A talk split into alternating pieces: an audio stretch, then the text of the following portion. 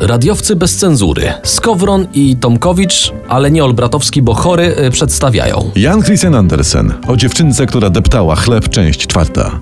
Poprzednio. Hania depta chleb i trafia do wiedźmy, a ta sprzedaje ją babci diabła, żeby robiła za posąg w przedpokoju.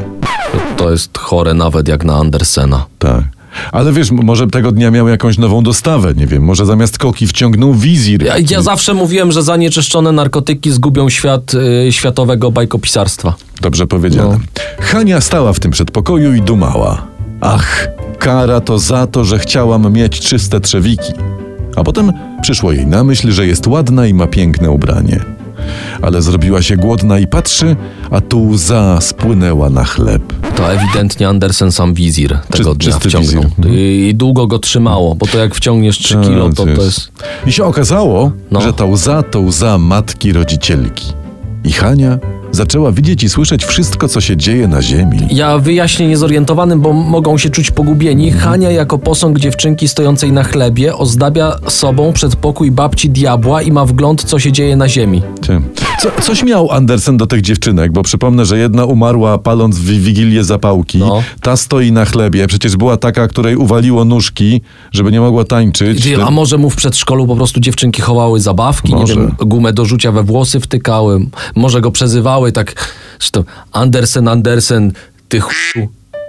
Wiesz, Andy, tak, Mhm. tak, go, tak go nazwę, mieszkał u ciotki w Kopenhadze, która tamże prowadziła burdel.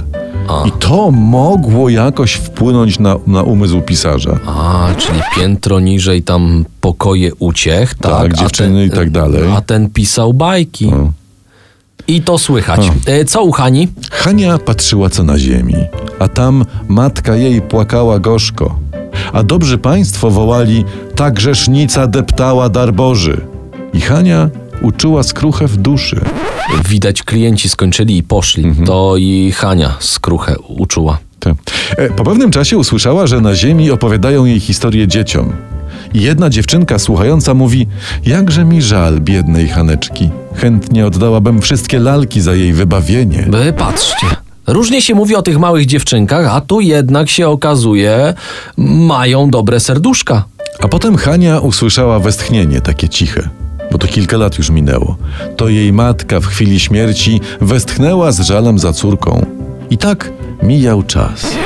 To taka kara za deptanie chleba? To, to co w piekle czeka takiego, nie wiem, Trynkiewicza?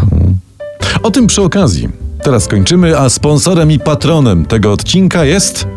Bez dziureks. Adam i Zofia Nęcicki, wiodący producent bezotworowych muszli klozetowych. Bez dziureks. Jak klozet, to klozet.